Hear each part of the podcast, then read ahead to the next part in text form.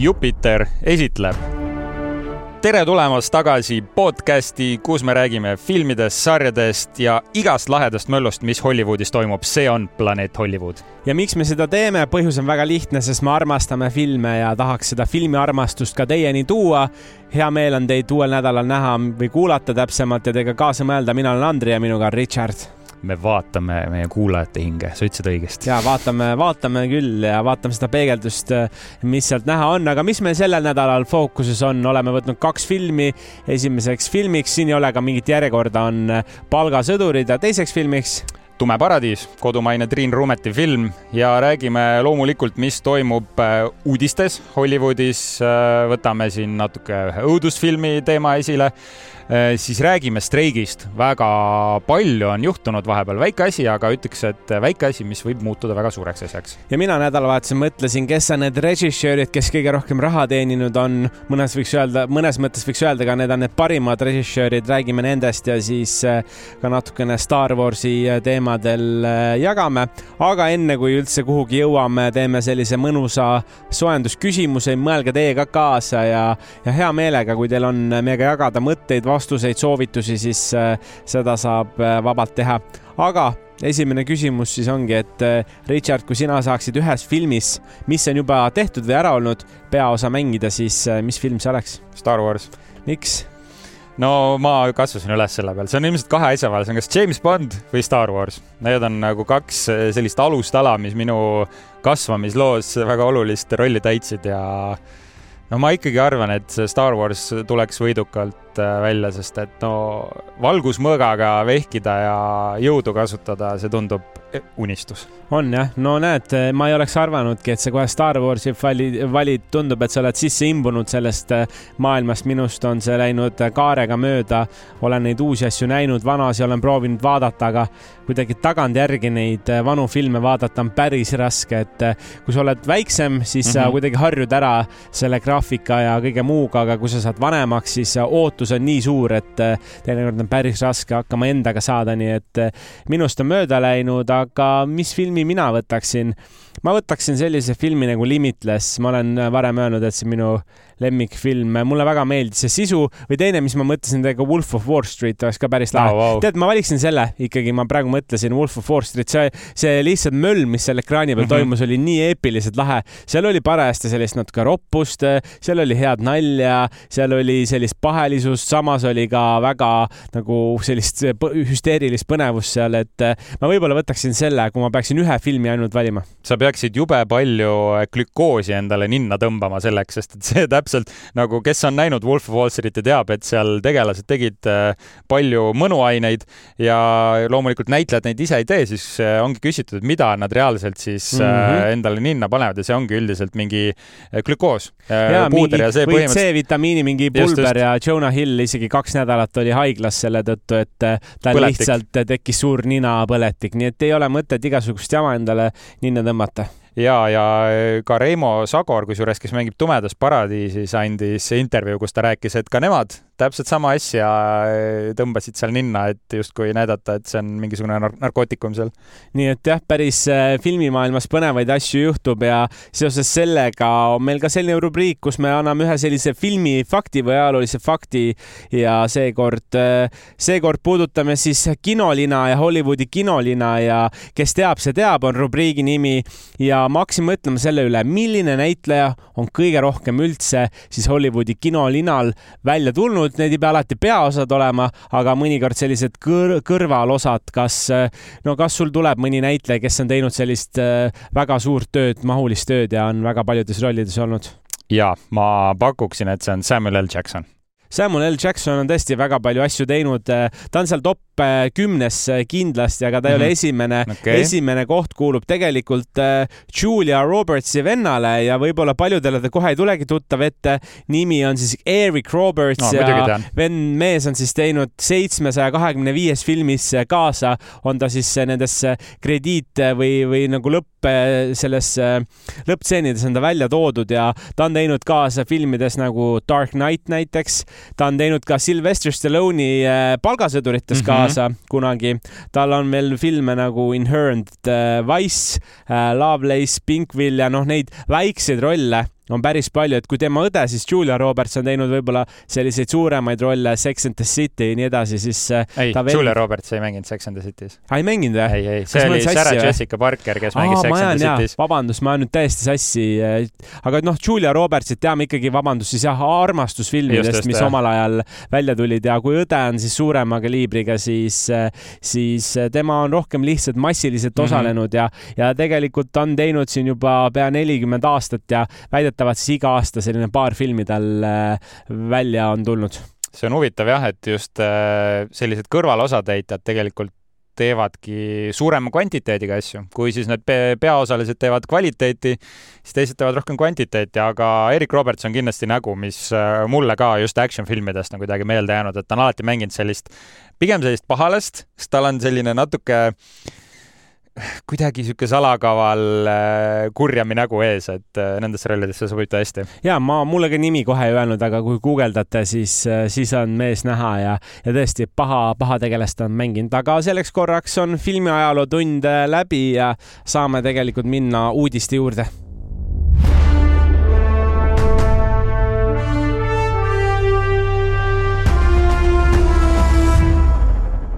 ja meil on äh, loomulikult neli uudist välja valitud. Äh, arvan, et võtame üle ühe, Andril on kaks uudist, minul on kaks uudist, aga teen mina otsa lahti, sest et äh, Miks midagi, midagi märgilist äh, on juhtunud lõpuks, me oleme siin palju jahunud äh, Hollywoodi streigist. ja just muideks rääkisime, kas see oli äkki eelmine nädal või üle-eelmine nädal, et huvitav, mis saanud on, üldse polnud kursis ja nüüd on hakanud, äh, ma saan aru, uudiseid tulema lõpuks. ja, ja uudis ongi see, et stsenaristid on jõudnud esialgsele kokkuleppele, et lõpetada streik et siis see AMT, AMPTB, mis on jube pika nimega äh, ühing ja VGA, mis on siis stsenaristide ühing äh,, andsid teada, et sada nelikümmend kuus päeva kestnud streik on jõudnud, jõudnud tähtsa verstapostini. Ja ma ütlen igaks juhuks, et streik ei ole lõppenud, aga see on väga suur edasisamm, sest et äh, stsenaristid äh, jõudsid sellisele diilile, et nad põhimõtteliselt on valmis seda streiki lõpetama, kui ratifitseeritakse nüüd see leping ära.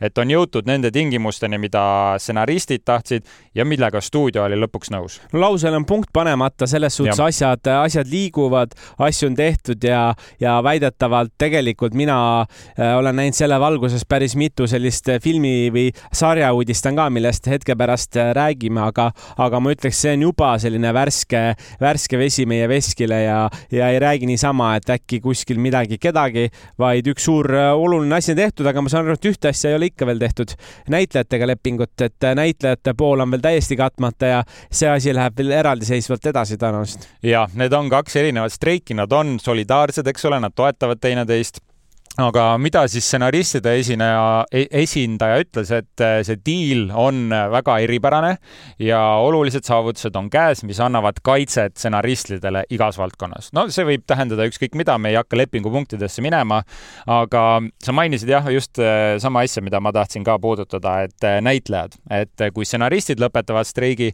siis pikas perspektiivis on loomulikult äh, annab siis tunda, kuidas meile sisu hakkab jõudma, aga näitlejad on praegu need, näitlejate streik on see, mis mõjutab väga lühiajaliselt meid. et näiteks niisugused filmid nagu Dune, Napoleon, äh, mõned veel, mis siin äh, sellel aastal välja peaksid tulema ja pidid tulema, on edasi lükatud.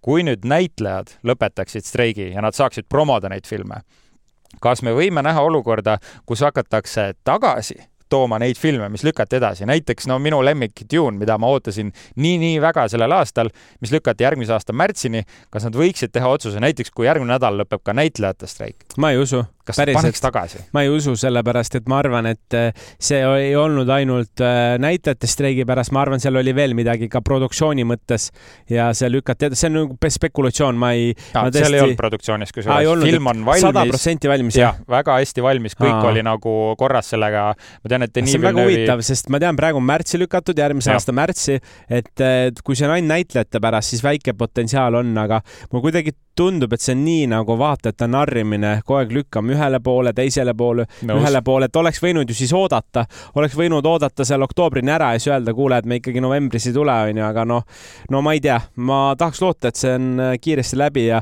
ma olen väsinud sellest rääkimast isegi, et äh, lihtsalt äh, nii palju on, nii palju on seda ja vähemalt see, et nüüd on nagu üks asi tõenäoliselt äh, ikkagi ilusti punkti saamas järgmine nädal. Äh, kui on punkti saamas, me ütlemegi teile, et on ja. punkti saanud, me pikalt selle üle ei aruta, aga, aga jah, et äh, see näitlejate asi võiks ka siis sama kiiresti saada otsa. jah, see on formaalne punkt, mis tuleb sinna panna ja hoian pöidlad, et kõik läheks hästi, aga ütleme nii, et valgus tunneli lõpus on saanud juba sellise tugeva prožektori staatus ja, ja prožektori staatuse on saanud ka kaks äh, sellist linateost ja esimeseks linateoseks on äh, selline film, minu meelest maailma kõige parem õudusfilm. noh, statistika otseselt ei tõe, toeta seda, et tal on päris head hinded olnud, aga selline film nagu Smile või siis Naeratus eesti keelest ja, ja tõesti pidin püksid täis tegema korduvalt, mina ei ole midagi nii õudset näinud ja, ja kõikidel õudusfilmi fännidel hea uudis ongi see, et Smile kaks kuupäev on kinnitatud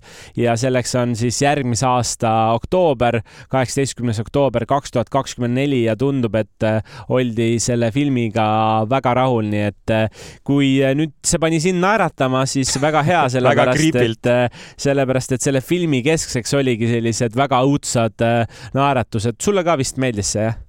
Või? mina ei ole näinud seda filmi ah,, aga näinud, ma tean, et äh, ma mäletan väga hästi, kui sa rääkisid, et see on sinu arust üks õudsemaid õudukaid, mis on kunagi tehtud ja see on väga naljakas, et niisugune asi nagu ma naeratus inim... mm -hmm. on muudetud nii õudseks. ja ma tean veel äh, inimesi, kes on seda pärast, äh, pärast öelnud, nii et väga mitmele see sellise trauma põhjustas. mina siiamaani veel töötan seda traumat läbi, aga, aga kui sina ei ole näinud, vaata esimene osa ära ja, ja ausalt öeldes teine osa tuleb väga-väga lahe, aga mis on veel suurem uudis minu jaoks äh, ja mul oli eile terve sotsiaalmeedia oli täiesti täis ainult Nii. Äh, seda, igast kanalist tuli sisse selline sari nagu Office saab äh, reboot'i ja, ja reboot tähendabki seda, et hakatakse uuesti tegema. ma kohe olin, äh, minu küsimus esimene oli see, et mis see nüüd tähendab, kas The Office'il on siis kõik vanad näitlejad tagasi, noh, seda veel lubatud ei olnud, aga mida oli öelnud siis John Krasinski, kes mängib Jimmy seal mm -hmm. ja siis näitleja, kes mängib Kellyt, mis ta nüüd täisnimi oli, praegu kohe ei tule meelde, aga, aga nemad on siis öelnud, et nemad oleksid nõus jätkama. Mindy Kaling on ta nimi ja tema, nemad on öelnud, nad on huvitatud sellest projektist ja tõenäoliselt, mida nad siis teha tahavad, on see, et nad päris sama asja nagu jätkata ei mhm, saa mm, -hmm. aga mida nad tõenäoliselt teeksid, võtaksid posu vanu näitlejaid ja siis uusi näitlejaid ja teeks sellise jätku, jätkuloo. noh, ma olen väga kriitiline, sest äh, Office on kindlasti minu äh, jällegi ka lemmik, aga, aga just sarjade mõttes ja komöödia mõttes ja, ja üldse on see need sitcomidest, mis on välja tulnud, on üks populaarsemaid, nii et selline väga õhuke piir, mida mängida, et äh, kas see tuleb väga geniaalne või see tuleb väga halb ja võib ka kuskile sinna keskele maanduda, aga selles mõttes küll, et eh, kuna see sari on niigi juba ju Briti remake mm, -hmm. siis eh, no ütleme nii, et neil on eh, juba edukas põhi all, et nad võtsid mingi asja, mida on varem tehtud ja tegid sellest põhimõtteliselt veel parema versiooni. minu jaoks on just natuke segadust tekitav see, et sa ütlesid, et seda kutsutakse reboot'iks. Reboot üldiselt tähendab seda, et võetakse seesama lugu ja tehakse või tähendab, võetakse seesama siis formaat ja pannakse uued tegelased ja justkui nagu reset itakse see sa eelmine ära. spin-off'i äkki või? no vot, ei, aga reboot tähendab seda, et sa teed uus versiooni sellest mm -hmm. ehk siis nagu uus versioon, justkui tegelikult vana lugu ei tohiks jätkata. aga kui äh, John Krasinski ja Mindy Kaling on äh, seal sees, siis äh, võib arvata, et see on ikkagi järjesari no vot eh, seda. jah, spin-off on, tegelikult sa ütlesid õiget asja, jah, spin-off. et seda nüüd täpselt ei teagi, et kuidas see tuleb, siis ma ütlen, et see mm -hmm. oli mhm. eilne päev, kui lihtsalt eh, ma alguses olin skeptiline, et ühest kanalist tuli, mõtlesin, okei okay,, et äkki mingi väike jutt, aga siis tuli juba kõikidest kanalitest ja, ja no ma ütleks, see on väga suur ja julge samm. see sari on juba ka oma, oma vanuses, et varsti saab esimesest hooajast pea kakskümmend aastat wow. ja, ja ma tean, et fännid ootavad seda, aga noh ma ei tea, ma, ma olen sellisel pigem negatiivsel seisukohal, et okay. kas on vaja nagu hakata seda uuesti tegema, muidugi ma tahan, aga ma arvan, et ma ei usu, et see sinna keskele kukub, ma arvan, et kas tõesti mm -hmm. läheb nagu väga-väga hästi ja või läheb väga halvasti, aga miks ma kardan, on see, et eh, need naljad ei ole tänapäevased, et kui praegu keegi teeks selliseid nalju, mis seal on olnud siis ei õnnestuks. Steve Carell on ise ka öelnud, et eh, need naljad tänapäeva ühiskonda ei sobi, need on väga rassistlikud, need on väga aga need on meelega sellised seal. On, on, ongi aga- see, et, sest et Steve Carelli karakter, Michael Scott teebki neid nalju ja ta ongi sihuke, alguses ta on väga vihatud karakter ju. ta on ülinõme vend minu arust seal sarjas ja siis, sarjas ja siis ta hakkab vaikselt nagu sulle meeldima lõpuks ja ta No- veits nagu redeemib ennast no ka. seda küll, aga vaata ikkagi klassikalisel sarjal on vaja vaatajaid ja kui vaatajad solvuvad, siis lähevad ära, et siis on nagu raske. aga alati saab maitsekat teha ja ka mõista hukka, teha neid nalju ja mõista need naljad hukka just, kohe just ära, et, täpselt. see on väike võimalus on olemas, aga noh, peentunnetus on ja, ja tegelikult üks äh, sarja originaalseid siis kirjutajaid, Craig Daniels just, on, tema kohta tahtsingi tema on öelnud, et äh, tema oleks ka huvitatud selle sarja siis kirjutamise jätkamisest, et äh, see on juba hea märk, kui on ka originaalsed kirjutajad tagasi, et äh, ne, neil on selle algmaterjali tunnetus lihtsalt nii hea Mhm. ja, ja no ootame, ootame. ma mõtlesin praegu välja, mis nad võiksid teha.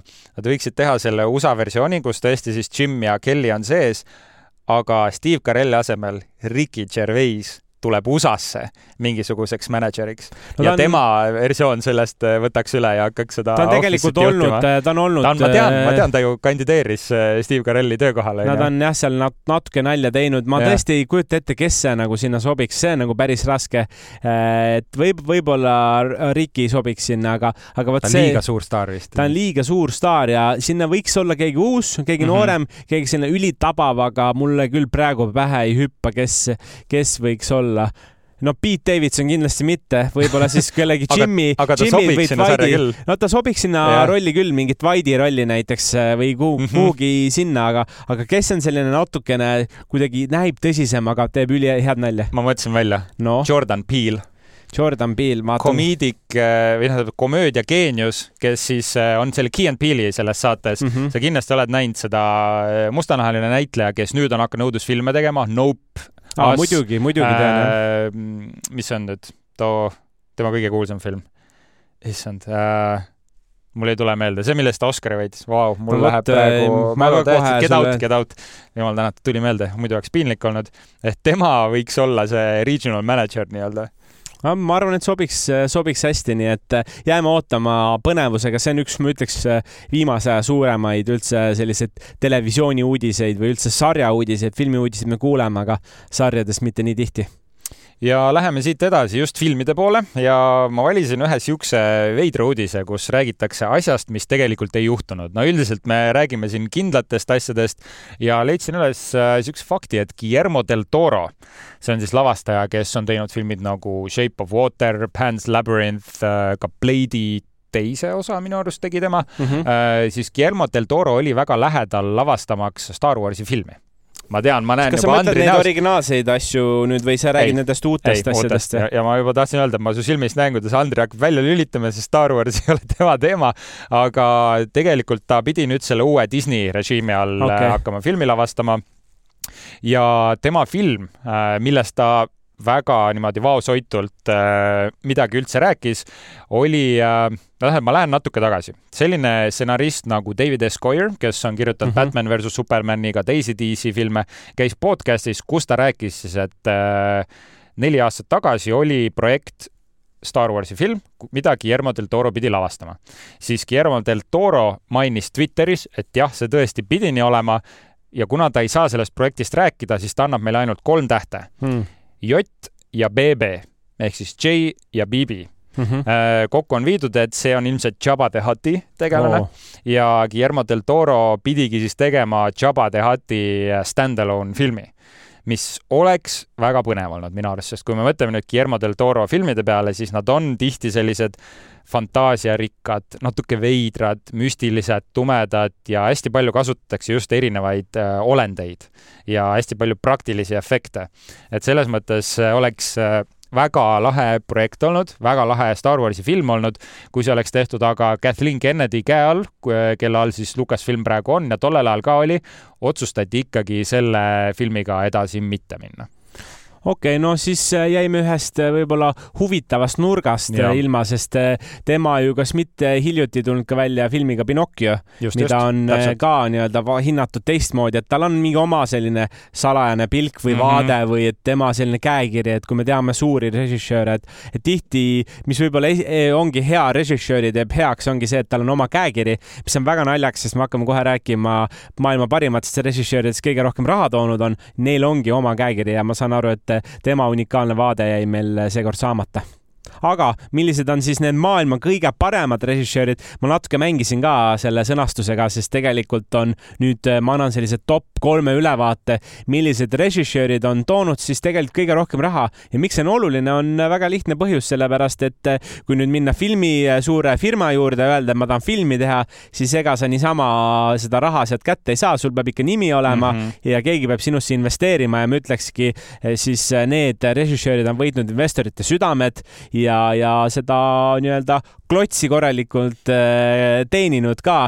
Ja tegelikult äh, nimekiri on üllatav ja palju seal on kokku? siin on tegelikult kümme kokku, aga mina võtan äh, kolm, ma võtan kolm tükki mm, -hmm. et siis ma muidugi arvasin nüüd, et kolmandal kohal on Christopher Nolan, sest sellest siin pikalt, pikalt räägiti, aga tegelikult tuleb välja, et Russo vennad no, on teeninud meeletult ja kui te nüüd arvate, et huvitav, mille eest, ma ei mäleta üldse, siis muidugi Avengersi või tasujate filmid on nad teinud, nad on viimasel ajal ka teinud Netflixile kõvasti, Greyman on näiteks olnud ja, ja tegid ka ju Apple'ile, tegid Cherry Terry, kus on Tom Holland eh, peaosas, aga nemad on kahe peale. no nüüd võiks öelda, et teeme pooleks summa, aga tegelikult kahe peale vennad on kokku teeninud siis stuudiotele kuus koma kaheksa miljardit, eh, mis on no ikkagi nii ropp summa, et, et ma tean, et nad on väga-väga hinnatud ja, ja nemad on nüüd juba jõudnud sinna staatusesse, kus nad saavad projekti ise valida, et nad ei pea igale, igast asjast kinni hakkama ja see ja kusjuures pool sellest kuuest miljardist on minu arust ainult Endgame'i teenitud, sest Endgame on mingi kaks koma seitse või kaks koma kaheksa, eks ole, kuskil seal piiri peal. Ja siis loomulikult Infinity War, siis neil on veel Captain America filmid aga jaa, nad otsustasid, nad teevad Marveliga noh, vähemalt praeguseks ajaks lõpp, lõpparve ja tegid oma produktsioonistuudio, kus siis mm -hmm. üritavadki oma originaalprojekte käima lükata. sest just nende originaalprojektidega on päris keeruline mm, -hmm. sellepärast et eh, filmistuudiod tavaliselt ütlevad nii, meil on idee see, siin on raha, kes võiks teha, see teeb, aga, aga sellises staatuses mehed saavad öelda nii, mina olen siin, andke mulle raha ja mina otsustan ja Russo vennad on ühed need eh, inimesed ja tegelikult väidetavalt on ka küsitud, et kas nad oleksid nõus uusi tasujate filme ja. tegema, siis nad on öelnud, et nad on avatud mõtetele, aga mitte kohe praegu, nii et kes hoiame, raha ei tahaks, kes raha ei tahaks, et võib-olla nad võivad ka tõusta siia esimesele kohale, aga teisel kohal on äh, mees, kes ma arvasin, et ta on esimesel kohal. James Cameron uh,. James Cameron, jah, täpselt nii. tema on siis kokku kaheksa koma seitse miljardit teinud oma filmidega, tema filmid on olnud näiteks, no ikkagi teame, avatarid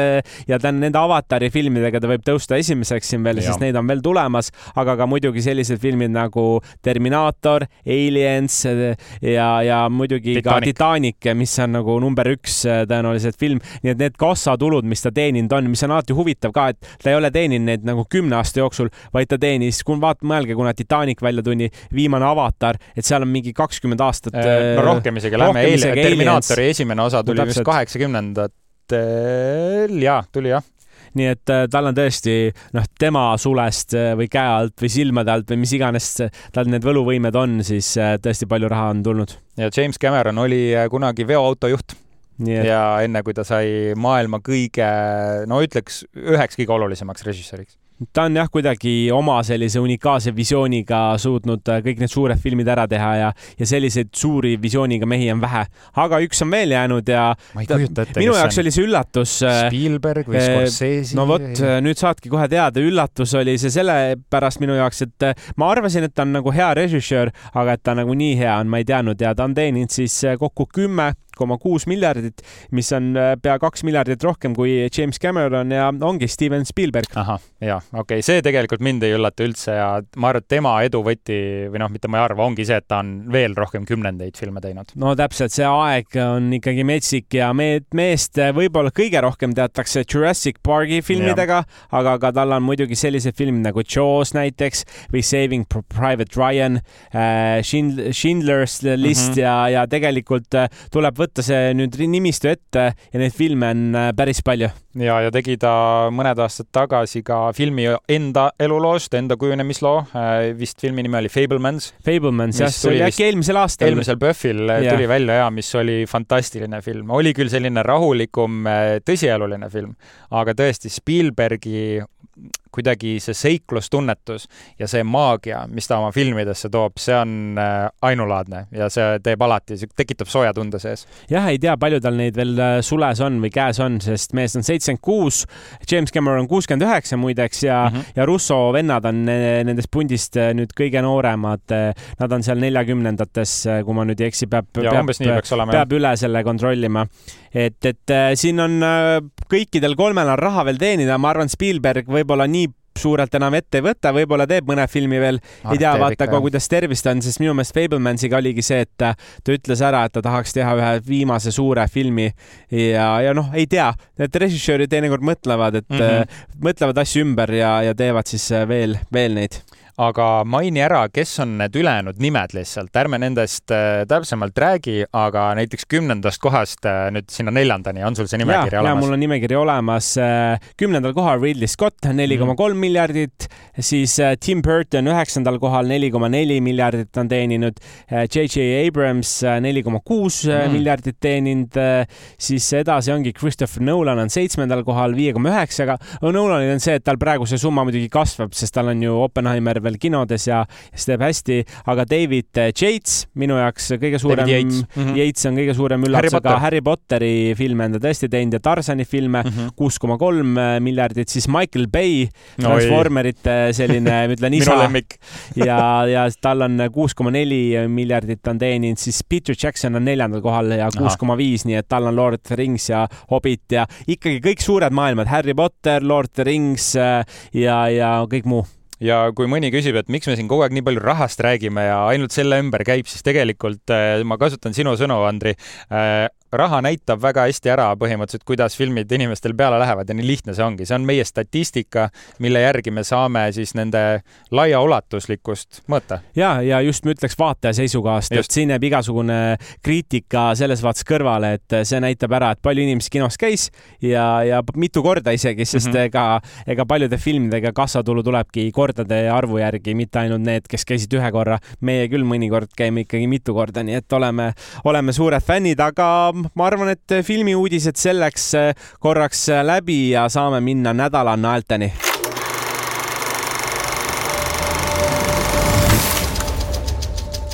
ja nädala naelteks on meil äh, kaks filmi, üks on kodumaine Tume paradiis ja teine on mitte nii kodumaine fantastiline linateos Palgasõdurid neli.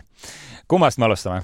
ma ei teagi, praegu, kui vaadata nüüd, mis siin äh, eelmise nädala kõige populaarsemad filmid kinos olid, siis Palgasõdurid neli oli muidugi esimesel kohal äh, oma vaadatavusega, nii et väga-väga põnev. alustaks äkki, äkki sellest ja teed väikse sisu tutvustuse meile. ja Palgasõdurid neli ehk Expendables neli.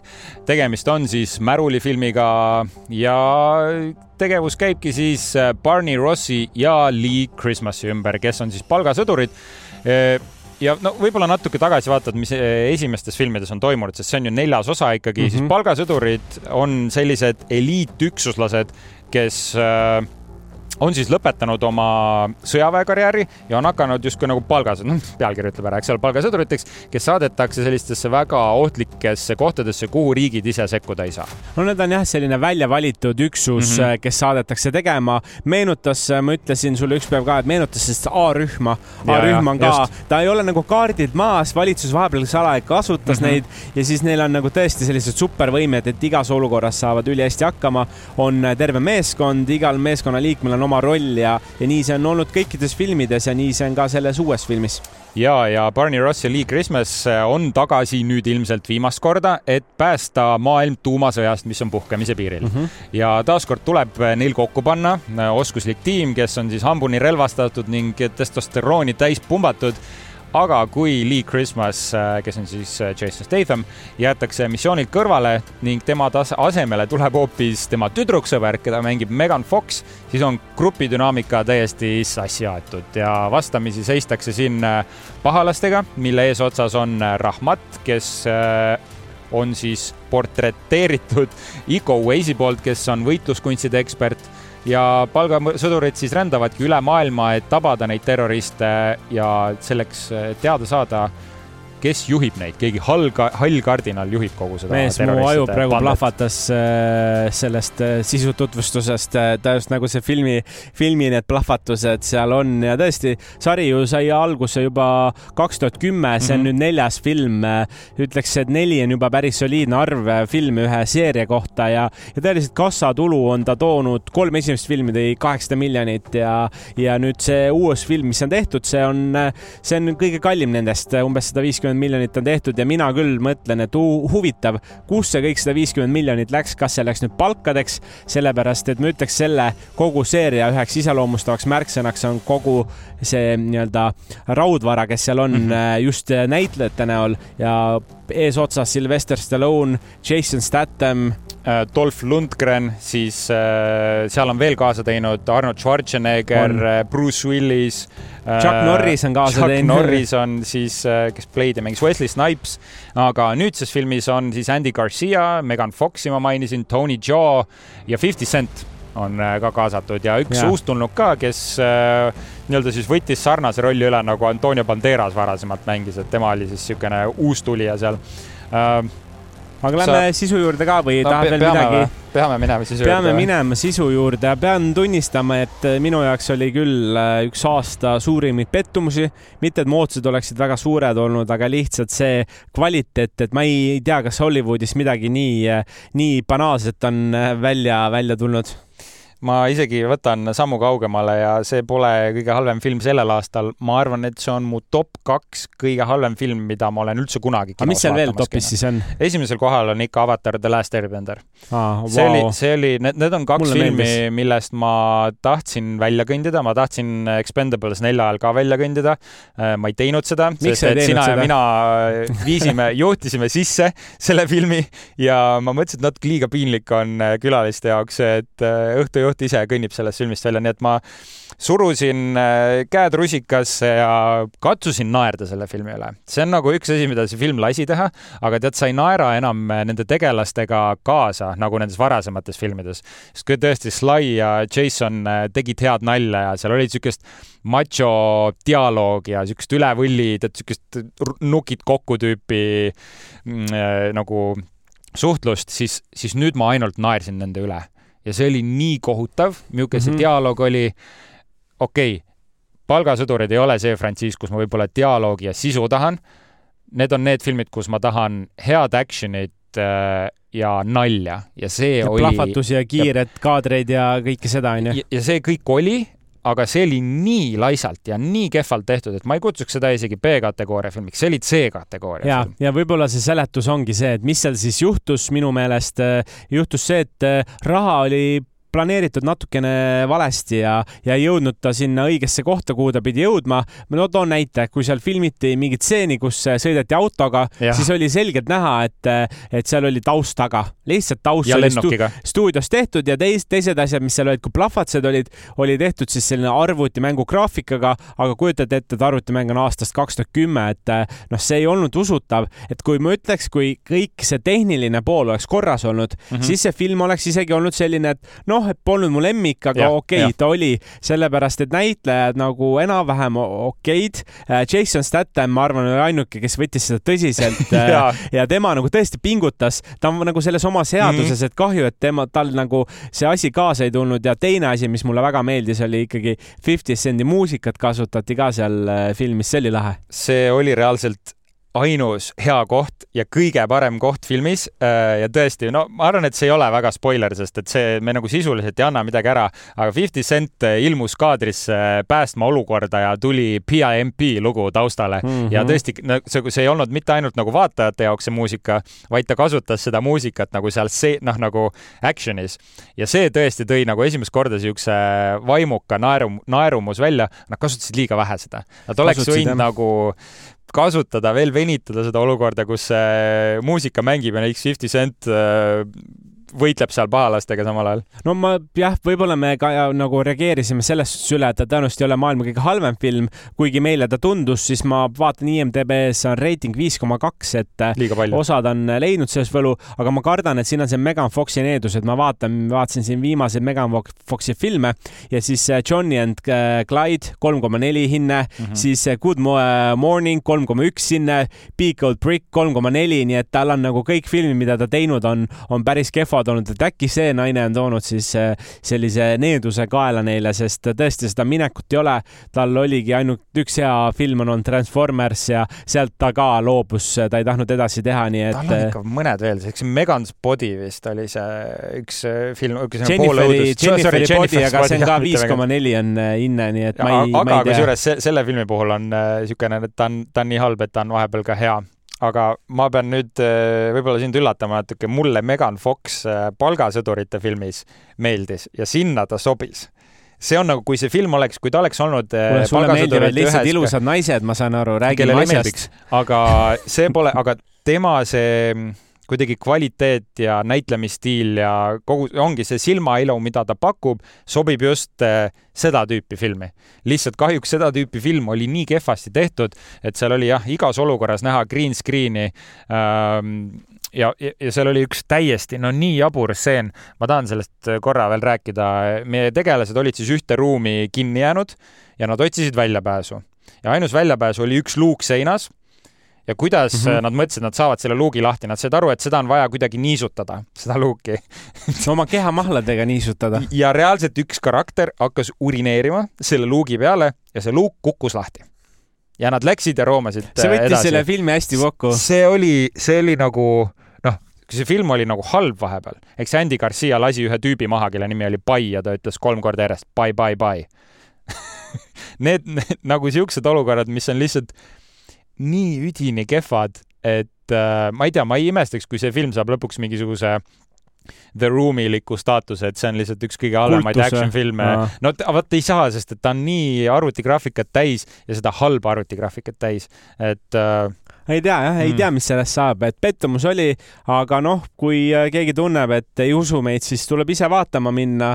Äh, kolmes kategoorias anname soovituse, soovitaksid oma vanaemale, sõbrale või väiksele vennale, siis äh, räägi, räägi, Richard, mis su soovitus on? See on see film, millest hoidke kaarega eemale ja, ja mul on tegelikult sama. üks nendest filmidest. mul on ka sama, et pole mõtet seda aega raisata, et kui tahate, öelge sõbrale, et see on jube hea film, mine vaata mm., mine kindlasti vaatama. tünga tegemine. kui ta käib film kinos ära, siis küsid, kuidas oli ja siis saad äkki ausa, ausa arvamuse, aga ma arvan ka, et seda otseselt ei ole vaja vaadata, kuigi eestlased ikkagi seda kinno läksid vaatama ja, ja no ma ei tea. no nad lootsid seda, mida need esimesed kolm filmi on teinud ja noh see, see on frantsiis, mis tegelikult oleks pidanud lõppema teise filmiga, kolmas oli veel kuidagi vaadata, Mel Gibson proovis veidi seal, või noh, tähendab, Mel Gibson sobis pahalase rolli kolmandas osas. aga viies hästi. tuleb ka ju, tead või? siin eh,, palun ei, ei nad kusjuures ütlesid, et see peaks nüüd olema viimane. ma ei, ma te, te arvan millegipärast kahtlustan, et praegu on viies ka soolas, see on rohkem selline aga maailmaturul on see film meeletult vähe teeninud ja ma arvan, et see ei teeni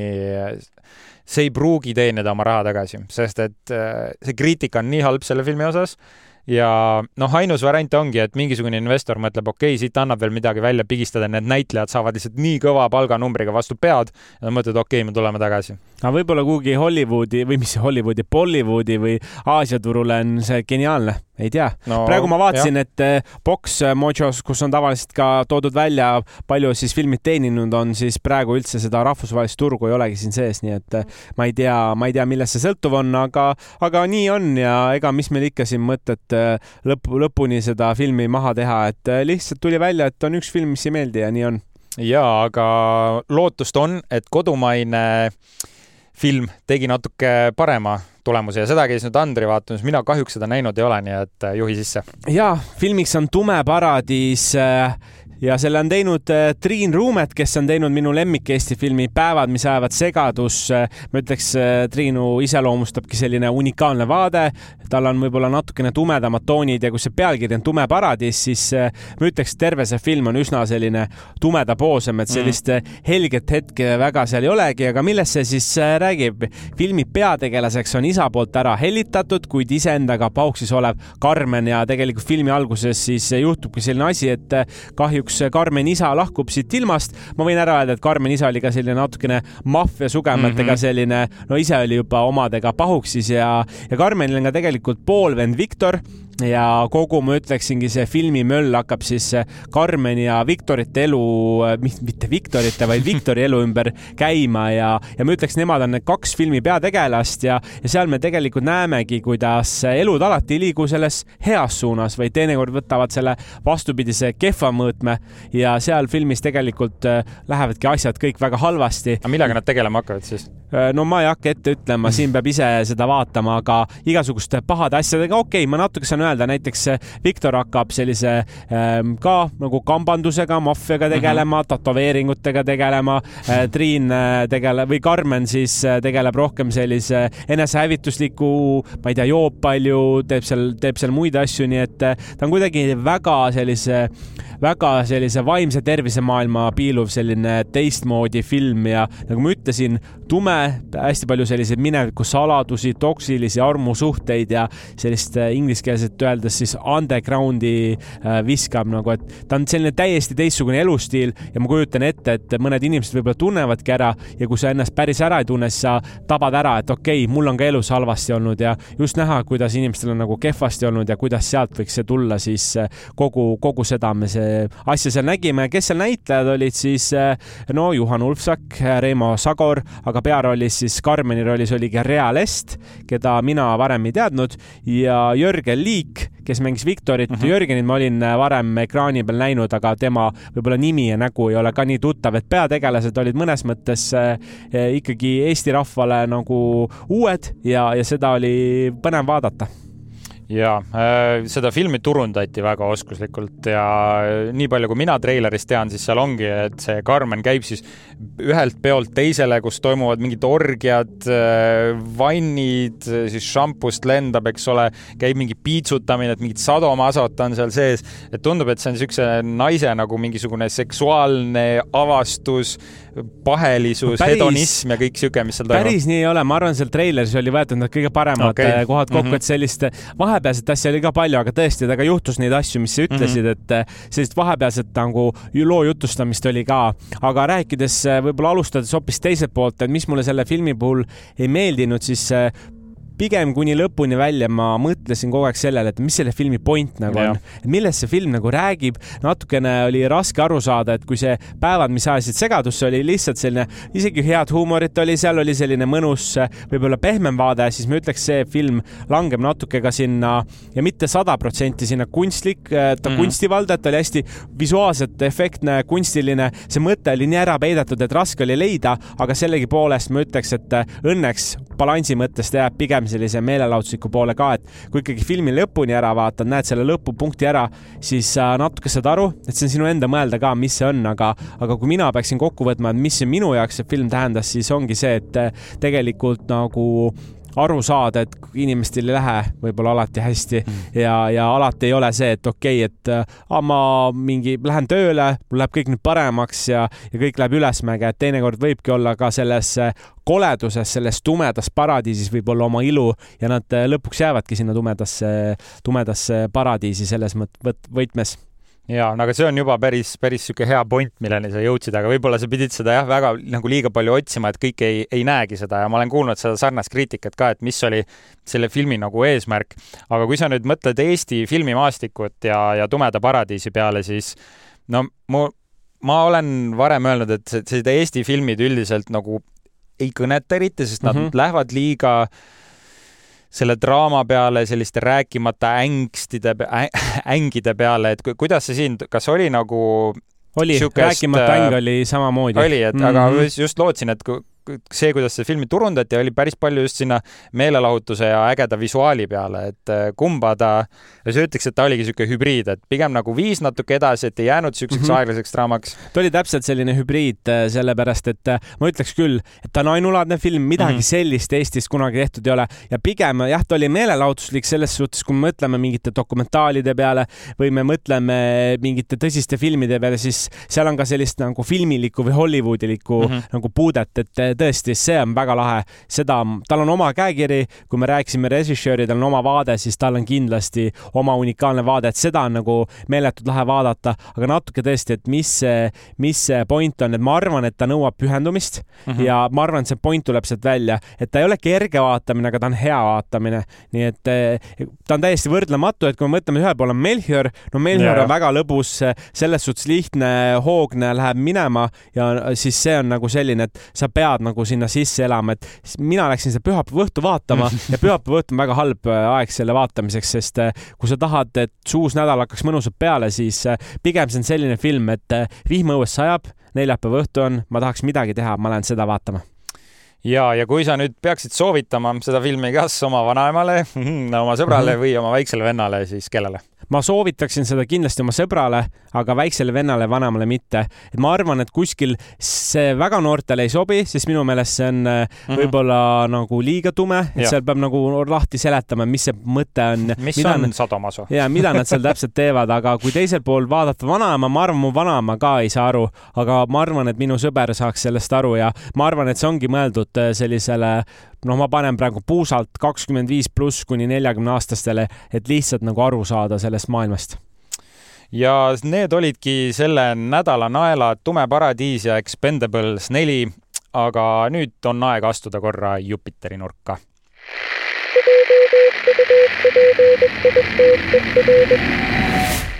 Ja Jupiterist ma olen taaskord kaks mängufilmi välja valinud Äh, ühe spordifilmi ja ühe väga laheda Aasia filmi mm. -hmm. ja sihuke mees nagu Zlatan Ibrahimovitš ilmselt äh, ütleb sulle niimoodi. muidugi, see on äh, mees, kes on Rootsi koondist esindanud siin kõvasti ja kes tihtipeale jääb oma just väljaütlemistega silma, sest ta on ikkagi enda arust vähemalt kuningas ja, ja ta on teinud ka jalgpallis jumal. palju. ja jumal võib-olla on parem öelda isegi ja filmi nimi on Mina olen Zlatan ja räägib siis just nagu sa ütlesid, legendaarsest jalgpallurist Zlatan Ibrahimovitšist ja see film on äh, tehtud siis tema autobiograafia, autobiograafilise raamatu põhjal ja näemegi, milline Zlatan oli noorena ja kuidas tema tähelend alguse sai. ja kogu see nii-öelda God-kompleks ja see, et ta arvab, et ta on legend ja kuningas ja kõige parem äh, mängija läbi aegade, siis selles filmis me näemegi miks see niimoodi läinud on ja kui tugevalt ta on seda juba noorest peale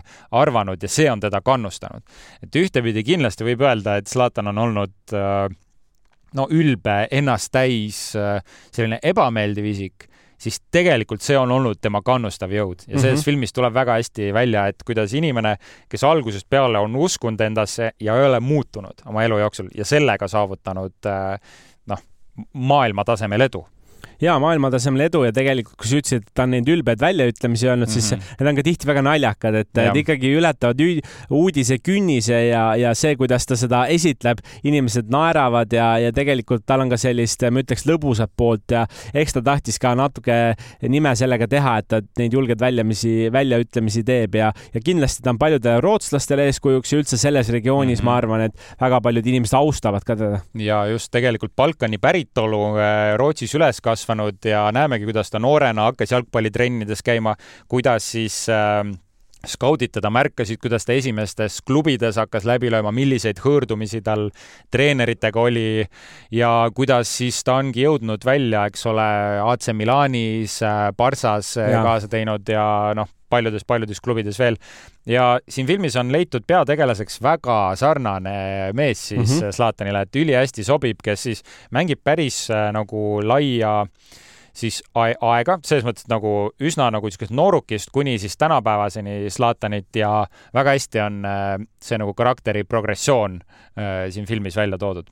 et äh, soovitan väga spordifännidele. no soovitan... tegelikult oli päris suur film, kui ta välja tuli, nii et ja, ma pigem ja, ütleks, kes ka. näinud veel ei ole, siis see on nagu selline, et tuleb ruttu nüüd ära vaadata. ja just, et Jupiteris selle leiate ja teiseks filmiks valisin midagi veidi teistsugust, Hongkongi filmi ja see on nüüd äh, väga sellise veidra tempoga film ja räägib see siis äh, üheksakümnendatel äh, suurlinnas elavatest erinevatest inimestest, kes on justkui sellised lootusetud romantikud ning kuidas siis mees ja naine kohtuvad ühes segases linnas. Ja näemegi siis kahte lugu, kuidas kõigepealt üks selline insomniak, käib öösel mees, siis käib öösel ringi ja üritab endale põhimõtteliselt naist leida. ta on täiesti nagu eluga alla andnud, aga ainus eesmärk on siis leida omale armastatu ja ühel hetkel satub kokku siis ühe mm -hmm. naisega, kes on äh, öine narkodiiler, kes äh, käib äh, selliseid ka maa-aluseid baare pidi ja ühel hetkel nad omavahel kohtuvad siis me jõuame teise loo juurde, kus äh, on äh, siis kiirtoiduputka müüja ja üks äh, meespolitseinik, kes samamoodi kohtuvad selles no väga hüsteerilises linnas ja nende vahel tekib side ja see naine põhimõtteliselt mehe teadmata kolib justkui selle mehe juurde sisse, hakkab tema kodus käima, koristamas, asju korda panemas ja nagu endast mingisuguseid elemente sinna jätma.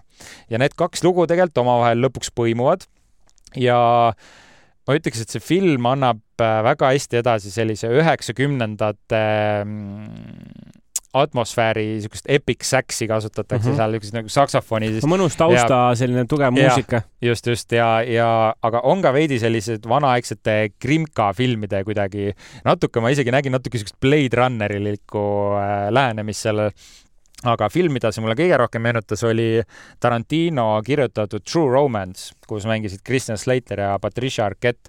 et äh, siin on kindlasti palju niisugust Aasia kultuuri eripärasid, aga film, mis tõesti äh, väga üllatas mind ja nimeks on Chunking Express seda ma alguses välja ei öelnudki ja film on äh, tund kolmkümmend kaheksa minutit pikk ja üks peaosalisi on tõesti sellise superstaari staatusega ka, on äh, Tony Leung, kes mängibki siis seda politseinikku mm. -hmm. ja väga-väga soe soovitus sellele filmile, kes tahab midagi natuke traditsioonilisemat, natuke niisugust ekstsentrilisemat filmi. oh, täna on kuidagi nii palju soovitusi andnud, nii põhjalikult oleme analüüsinud ja, ja jääbki oodata uut nädalat. ma ütleks, kinomaastik pakub väga palju head ja järgmisel nädalal saamegi rääkida kahest suurest filmist. esimeseks on Creator või looja, mis meenutab natuke mulle Zoom kahte või kuidas see või mida see sulle meenutas? Äh, ma ütleks, et mulle meenutab ta Neil Blomkampi filme, et niisugune Elysium, mis oli kunagi film, et, et niisugune hästi tead, ma ei oska öelda, seal on niisugust, no põhimõtteliselt inimesed versus ai on kogu selle filmi point ja kuidas ai on üle võetud, eks ole, Terminaatorid on seal kindlasti sees, natuke on ka Star Warsi elemente ah,. Ex Machina on üks film, mida see mulle mm -hmm. veidi meenutas ka. ja peaosas siis äh, eestlastele tuntud äh, meie sõber John David Washington, Denzel mm -hmm. Washingtoni poeg, kes Tenetis kaasa tegi ja selle filmi kohta on juba öeldud väga suuri sõnu, et see on üks selle aasta parimaid filme, üks parimaid ulmefilme, mis viimase kümne aasta jooksul tehtud on. nii et minu ootused on täiesti lakke tulistatud juba. ma ei kujuta ette, kas see film suudab ka neid rahuldada ja, ja teine film on õudusfilm Saak kümme. no jälle saevad seal midagi äh, täitsa, täitsa lõpp, et äh, see on ka saanud sellise kultusstaatuse, et neid saakfilme tehakse. ma ei ole vist oleme... ühtegi, ma olen ainult ühte näinud. no vot, aga sellest ka saame rääkida, kuidas see saak siis sellel korral murrab inimesi maha ja, ja mis põnevust on, sellepärast et oktoobri lõpus on ka ju Halloween ja nüüd hakkab äh, ikkagi tulema õudusfilme iga nädal. kas me iga nädal räägime õudukatest, seda ma ei tea, aga Halloweeni eri teeme tõenäoliselt kuu lõpus ka, et siis on, siis on, mida vaadata ja mida mõelda. ja Jupiteri tuleb ka, kusjuures Halloweeni eri, tuleb äh, päris lahedaid filme sinna. no näed, nii et tegelikult põhjust rääkida kuu lõpus sellest äh, Halloweenist äh, veel on või tähendab järgmise kuu lõpus, mitte siis septembrikuu lõpus. september hakkabki tegelikult lõppema sellel nädalal, järgmisel nädalal oleme uues kuus, teeme ka ülevaate, mida head veel tulemas on ja selleks korraks täname